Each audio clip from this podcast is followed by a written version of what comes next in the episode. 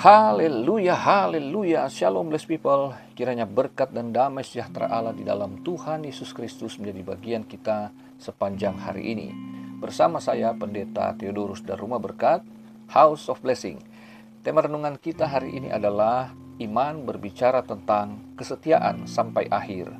Firman Tuhan terambil dari surat Ibrani pasal 11 ayat 32 sampai ayat yang ke-34. Firman Tuhan, dan apakah lagi yang harus aku sebut? Sebab aku akan kekurangan waktu apabila aku hendak menceritakan tentang Gideon, Barak, Simpson, Yefta, Daud, dan Samuel dan para nabi. Yang karena iman telah menaklukkan kerajaan-kerajaan, mengamalkan kebenaran, memperoleh apa yang dijanjikan, menutup mulut singa-singa, memadamkan api yang dahsyat.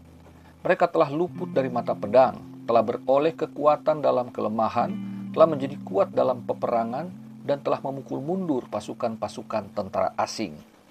Bless people, saudara yang terkasih dalam Tuhan, ini masih dalam serial tentang iman. Bagaimana Ibrani pasal 11 menceritakan tentang tokoh-tokoh atau para saksi iman dalam perjanjian lama. Mereka disebut orang-orang yang gagah perkasa. Mereka yang telah mengalahkan musuh. Mereka yang telah menaklukkan berbagai tantangan kehidupan. Mereka orang-orang yang berhasil luput dari ancaman. Mereka semua berhasil karena iman. Saudaraku, meskipun mereka adalah orang-orang yang beriman, namun mereka juga sebetulnya adalah orang-orang yang tadinya pernah lemah, yang tadinya pernah juga merasa takut, dan merasa gagal. Tetapi iman telah membangkitkan kembali harapan mereka bahwa Tuhan pasti menolong dan itu yang terjadi. Mereka juga sama seperti saudara dan saya. Mereka juga ada saatnya lemah, mereka juga ada saatnya tidak e, percaya bahwa mereka bisa. Tapi kemudian imanlah yang membangkitkan harapan bahwa masih ada Tuhan. Dan mereka tercatat juga orang-orang yang setia sampai akhir. Meskipun ada juga tokoh-tokoh di situ yang dalam perjalanan iman ya, ketaatan mereka tidak konsisten juga. Tapi kemudian mereka tercatat sebagai tokoh iman karena di akhirnya mereka tetap mempertahankan iman mereka. Jadi samalah seperti kita. Tidak selalu baik-baik saja, tidak selalu kita taat, tidak selalu kita setia. Namun kesetiaan Tuhan itulah yang memampukan kita untuk kembali taat dan menuju pada yang disebut kesetiaan. Kita bisa disebut setia kalau sudah sampai di akhir. Ya. Selama kita masih hidup, kita masih berpotensi jatuh belum bisa dibilang setia karena kita belum berakhir, masih hidup.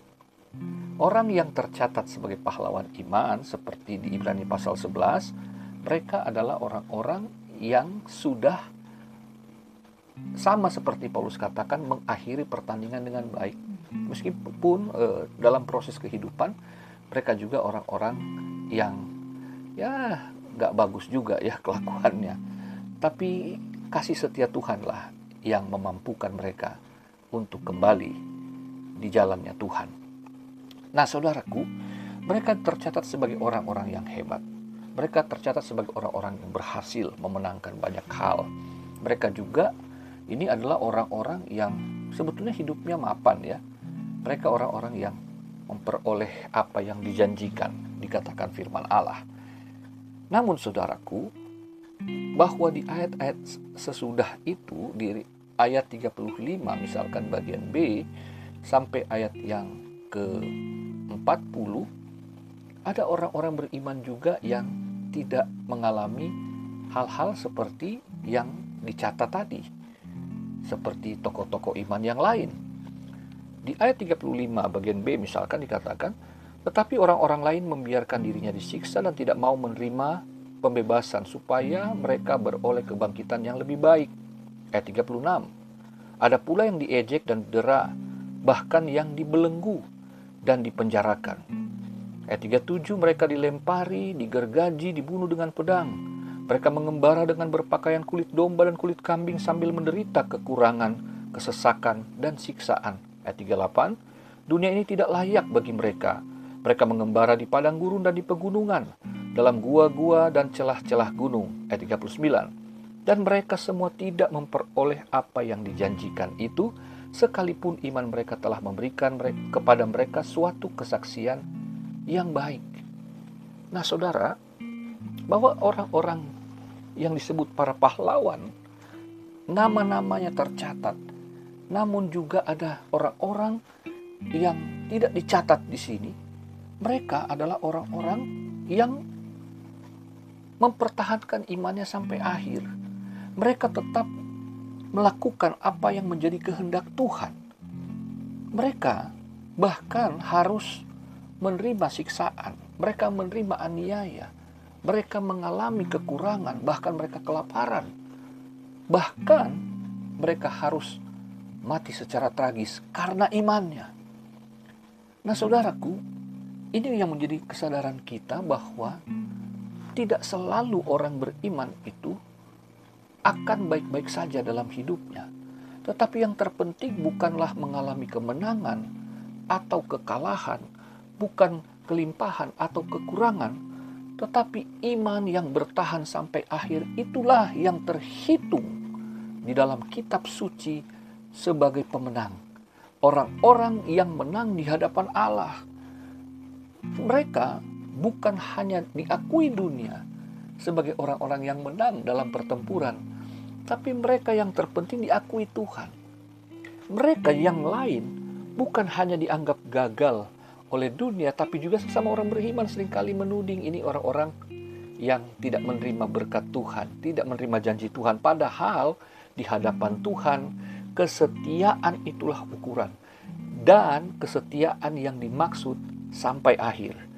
Saudaraku, ukuran daripada semua pertanggungjawaban kehidupan kita sebagai orang beriman di hadapan Tuhan seperti yang Tuhan Yesus sampaikan dalam perumpamaan tentang talenta.